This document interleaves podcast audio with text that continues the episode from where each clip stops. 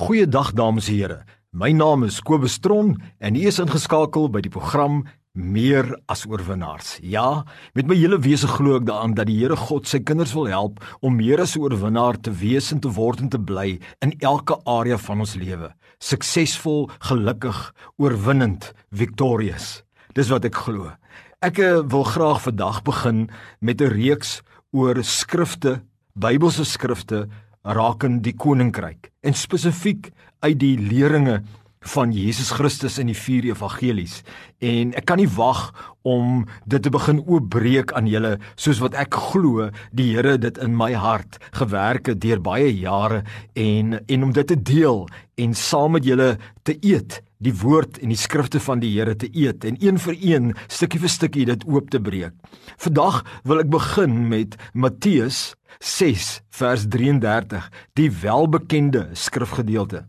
Maar soek eers die koninkryk van God en sy geregtigheid en al hierdie dinge sal vir julle bygevoeg word. Ja, dis so 'n mond vol wat Jesus Christus op aarde vir sy disippels kom leer het. En ek wil hê ons moet gaan kyk hierna en net hierdie belangrikheid van hierdie beloftes en hierdie stelling, hierdie kondisie wat die Here Jesus stel. Hy sê soek eers die koninkryk van God. Hy sê nie soek 'n tweede nie.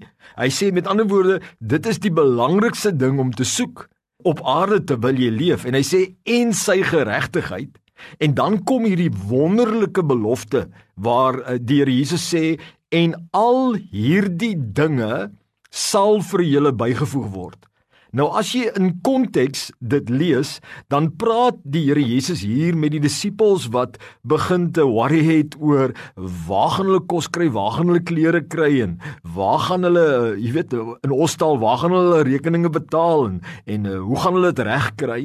En dan kom die Here Jesus en hy sê die heidene jaag na daai goed. Hy sê hy sê maar koninkrykskultuur mense, hulle soek eers die koninkryk van God en sy geregtigheid en dan voeg die Here daai dinge by, dan voeg hy die voorsiening by, dan voeg hy die beskerming by, dan voeg hy al die dinge wat ons nodig het en selfs die Godgegewe begeertes van ons harte voeg hy by. Maar die vraag is wat ons dan vra, as Jesus sê soek eers die koninkryk en sy geregtigheid en al hierdie dinge sal bygevoeg word, wat beteken dit dan prakties vir my? Wat beteken dit om die koninkryk te soek? En ons het deur die jare verskillende interpretasies al gehad, obviously. Maar vandag wil ek graag net hierdie ding oopbreek vir jou. Vir my beteken soek eers die koninkryk van God. Reg beteken vir my soek eers sy koningsheerskappy in jou lewe.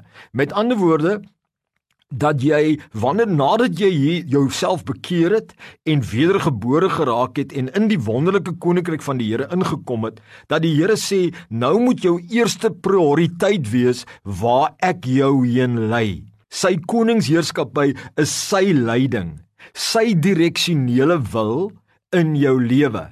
En wanneer jy jou bekeer het, het jy gedraai van om vir jouself te volg en jou eie begeertes na te jaag, het jy gekom by die plek waar jy sê, Here, nie meer my wil, maar U wil, Here. Net soos Jesus geleef het, hy het geleef soek eers die koninkryk van God.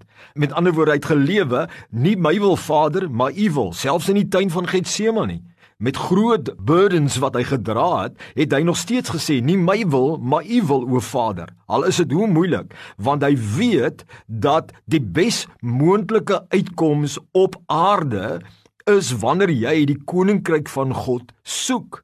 Reg? So vir my beteken dit in my lewe elke en elke area van my lewe lewe ek om nie my wil te doen nie maar die Here se wil soos hy deur sy Heilige Gees dit aan my openbaar en gebaseer op sy Bybelse beginsels. So wanneer hy sê soek eers die koninkryk van God en sy geregtigheid, dan beteken sy geregtigheid vir my eerstens dat dit nie deur my eie geregtigheid is nie.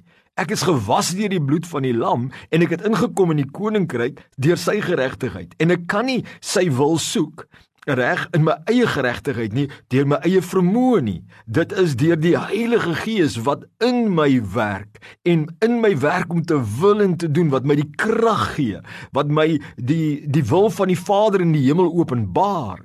maar wat my ook altyd wys na die beginsels van Jesus wat Jesus wil hê ons moet onderhou want hy sal ons nooit lei verby sy beginsels nie.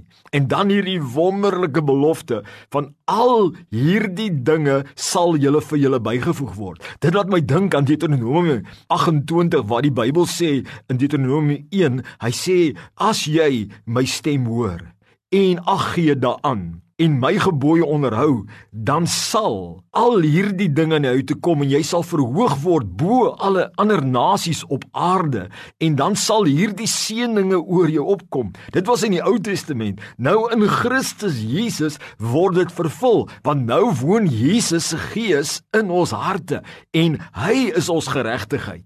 Maar dit beteken nie dit is passiewe geregtigheid nie. Dit beteken ons soek eerste in ons besigheid, in ons beroep, in ons huwelik, in ons ouerskap, in ons finansies, in ons liggaamlike kondisionering, nie ons wil, maar soos die wil van die Vader is, so wil ons doen. Dan die belofte Die Here voeg by wat ons nodig het. My bemoediging vandag vir jou is: maak seker dat jy in die wil van die Here stap. Al is jy in 'n dal van doodskaduwee, laat die Here jou herder wees wat jou lei na groen weivelde. Volg hom, volg wat jy weet in jou hart sy wil is, volg sy beginsel deur sy gees. En as jy faal, vra vergifnis, staan op, maar volg hom en die regte dinge sal vir jou bygevoeg word. Die deurbrake sal kom.